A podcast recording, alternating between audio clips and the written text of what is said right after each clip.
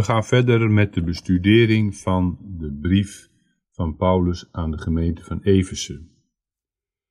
Deze gemeente is door Paulus zelf gesticht op de derde zendingsreis en een aantal jaren daarna stuurt Paulus aan deze gemeente een brief.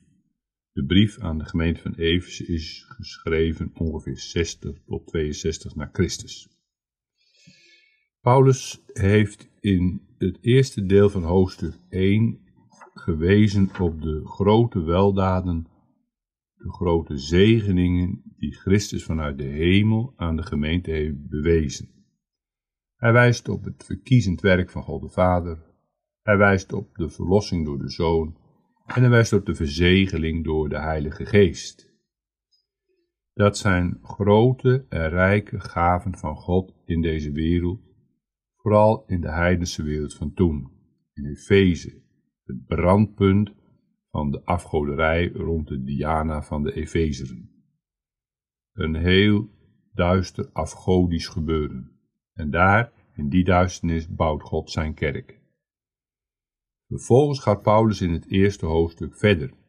En lezen we in vers 15, Daarom ook, ik gehoord hebbende het geloof in de Heer Jezus, dat onder u is, en de liefde tot al de heiligen, houdt niet op voor u te danken, gedenkende uw in mijn gebeden. Paulus heeft die gemeente gesticht. En kennelijk heeft hij nu in gevangenschap van zijn medewerkers gehoord dat na zijn vertrek de gemeente is staande gebleven. Dat zij hebben volhard in het geloof, in het ware geloof, het geloof in de Heer Jezus. En dat het geloof ook gepaard is gegaan met liefde onder elkaar. En de liefde tot al de heiligen. Er is dus een gemeente ontstaan en die gemeente groeit en die gemeente blijft staande. Dat is natuurlijk in een zendingssituatie en in die heidewereld steeds de moeite.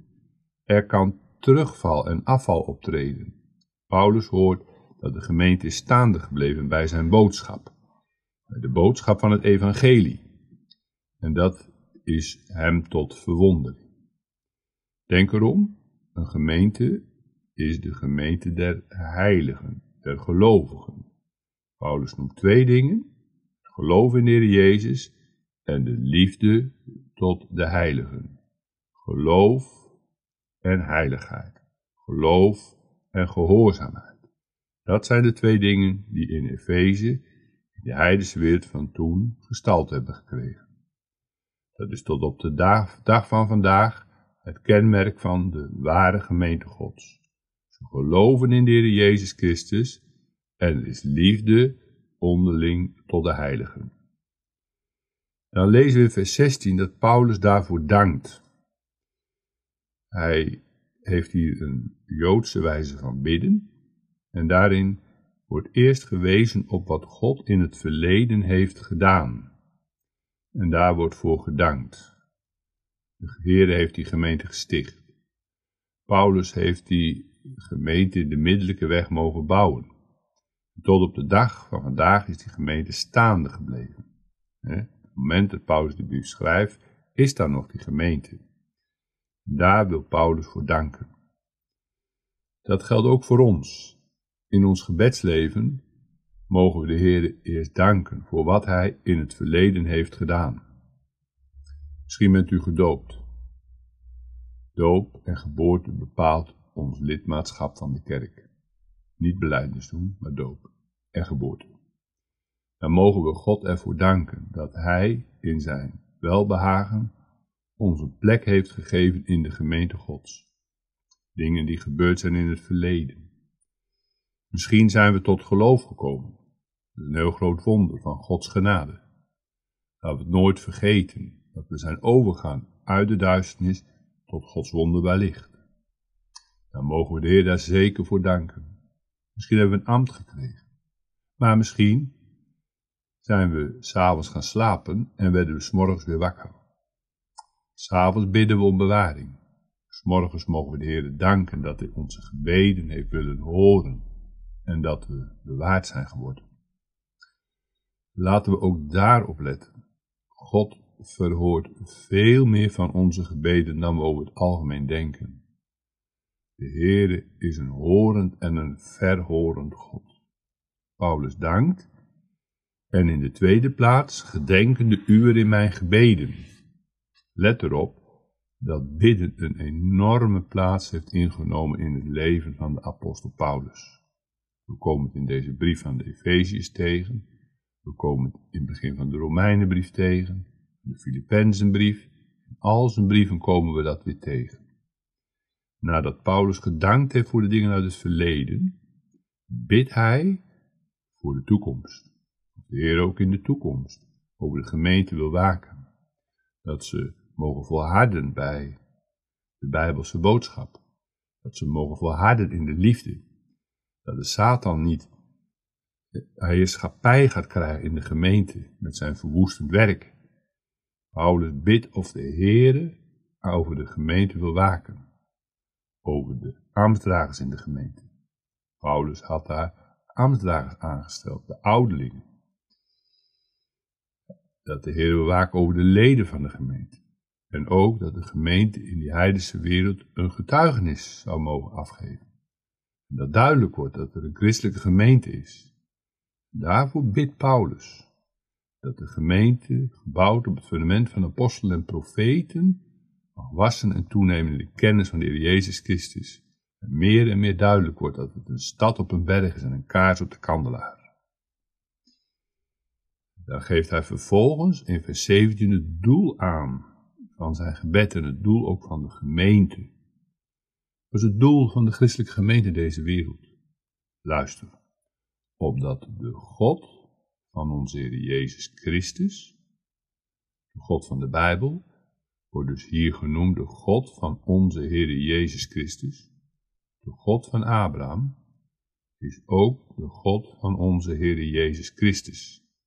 God openbaart zich in Christus. God de Vader, God de Zoon, God de Heilige Geest. In de tweede plaats noemt Paulus hem de Vader der Heerlijkheid. De glorie, of in het Grieks de doxa, de heerlijkheid Gods, die ook werd bezongen toen de Heer Jezus werd geboren. Ere zij God. De heerlijkheid van God, de grootheid en de majesteit van God. Die we kunnen zien in het werk van de schepping die we kunnen zien in het rijk van de genade, die we kunnen zien in zijn heerlijke deugden, zijn volmaaktheden, zijn almacht, zijn alwetendheid, zijn overal tegenwoordigheid, zijn rechtvaardigheid, zijn heiligheid, zijn genade, zijn langmoedigheid. De God en Vader van de Heer Jezus Christus. Dat is een natuurlijke band tussen God de Vader en God de Zoon. Is ook de Vader der heerlijkheid. En uit God zijn alle dingen. En dat hij u geven, u, meervoud in de gemeente van Eversen, dat hij u als gemeente geven de geest der wijsheid en der openbaring in zijn kennis. De geest der wijsheid. De kanttekenaar merkt daarbij op, dat is u geven dat gij meer en meer toeneemt in de wijsheid door de Heilige Geest. Toeneemt in de wijsheid. Let op, er is een groot verschil tussen intellectuele vermogens en wijsheid.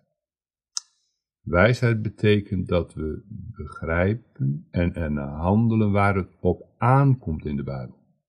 Gehoorzaamheid bijvoorbeeld aan Gods geboden.